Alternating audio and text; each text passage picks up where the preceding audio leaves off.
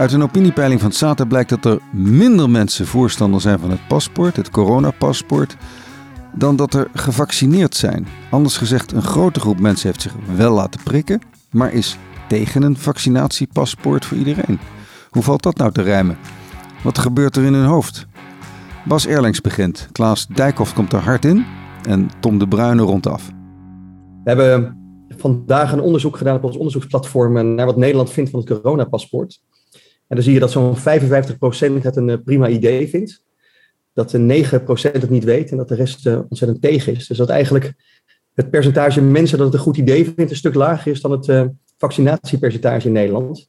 Dus dat er blijkbaar een hele andere gevoelens raakt bij mensen over wat hier, over wat hier aan de hand is en wat hier eerlijk is en wat hier eigenlijk de deal is tussen, de, tussen mensen onderling en de overheid met mensen. En ik heb afgelopen, ondanks corona, zelden een onderwerp gezien dat zulke heftige emoties oproept uh, op social media en in mijn omgeving als dit onderwerp. En hoe, uh, hoe mensen hierover uiteenlopen. En ook mensen die ik eigenlijk nooit ergens boos over zien worden. Of ergens positief of negatief boos over zien worden. Zich hier heel erg over zien opwinden. En hier, uh, hier hebben we echt bij mensen iets bijzonders geraakt. Maar jij zegt er is een discrepantie tussen het aantal mensen dat gevaccineerd is en het aantal mensen dat een vaccinatiepaspoort een goed idee vindt. Bas, hoe verklaar je dat? Ja, het is natuurlijk heel, heel verleidelijk om dit rationeel te benaderen.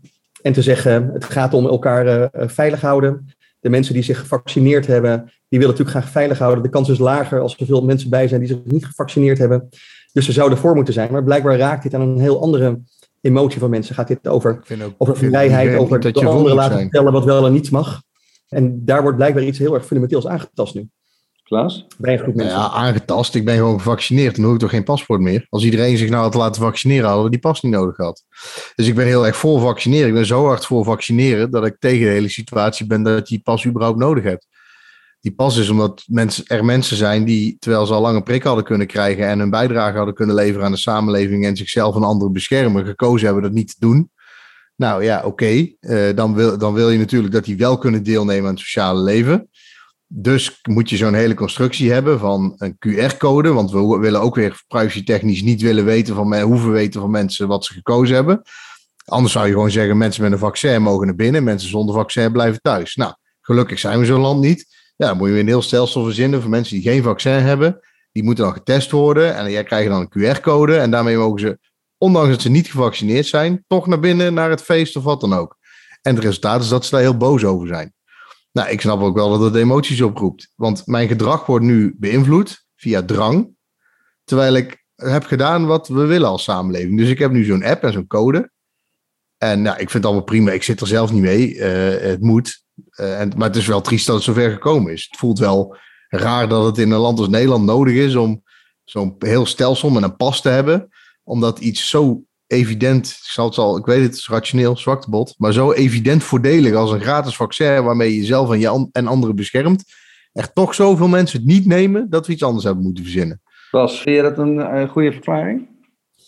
Dat, dat zou hem kunnen zijn. Het, ik denk dat er misschien ook wel een hele andere vraag beantwoord wordt hier. En dat is, vertrouw ik de overheid of vertrouw ik de politieke leiders in dit land? Um, want ik zou me ook kunnen voorstellen dat als we in Nederland een, uh, een, een andere regering zouden hebben, of een stel populisten aan de macht die zoiets zouden invoeren, dat ik het doodeng zou vinden en ontzettend hard in opstand kom. En er zal natuurlijk ook een hele grote groep in de samenleving zijn die zo naar de huidige grootste politieke partijen kijkt en het ontzettend eng vinden dat mensen waar ze helemaal niets meer hebben ineens zo hard ingrijpen in hun leven. En dat dat misschien momenteel wat meer de vraag is die beantwoord wordt dan de vraag: zijn we elkaar aan het veilig houden en hoe kan ik het meest veilig op pad?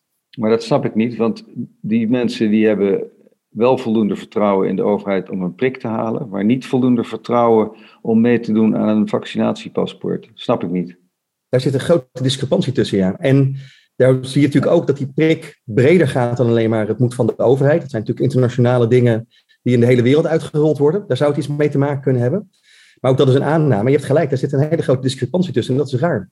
Nou ja, die prik kun je nog van zeggen dat ik heb vertrouwen in de medische wetenschap. En de overheid heeft ze ingekocht met mijn eigen geld, belastinggeld.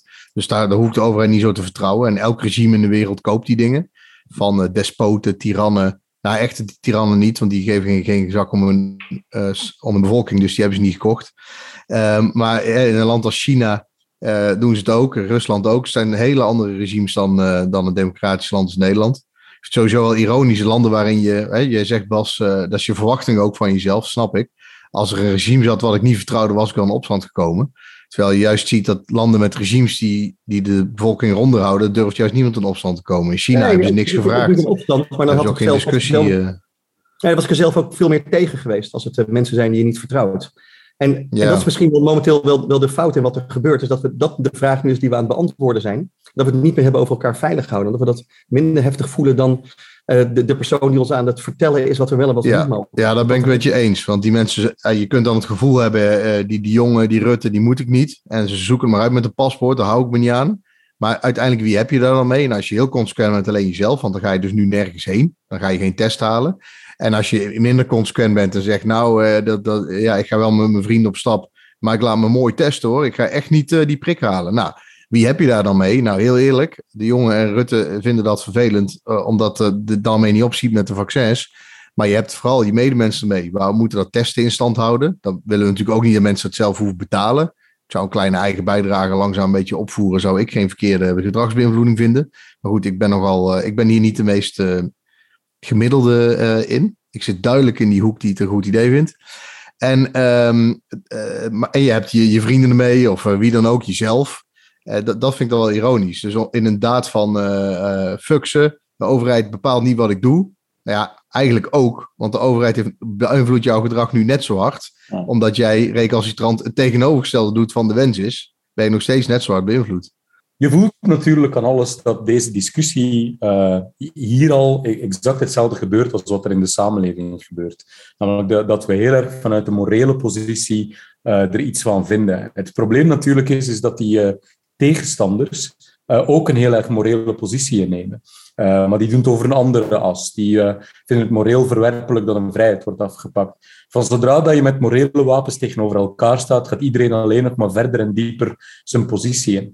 Dus we moeten hier pragmatisch in zijn. En ik denk dat als we de, het probleem benaderen vanuit gedragsverandering, dan zijn er altijd twee componenten. Je moet gedrag makkelijk maken of ongewenst gedrag moeilijker maken. En je moet mensen motiveren. Nou, er is een fantastische interventie gebeurd om mensen het moeilijker te maken om als niet-gevaccineerde door het leven te gaan, uh, door de invoering van dat coronapaspoort.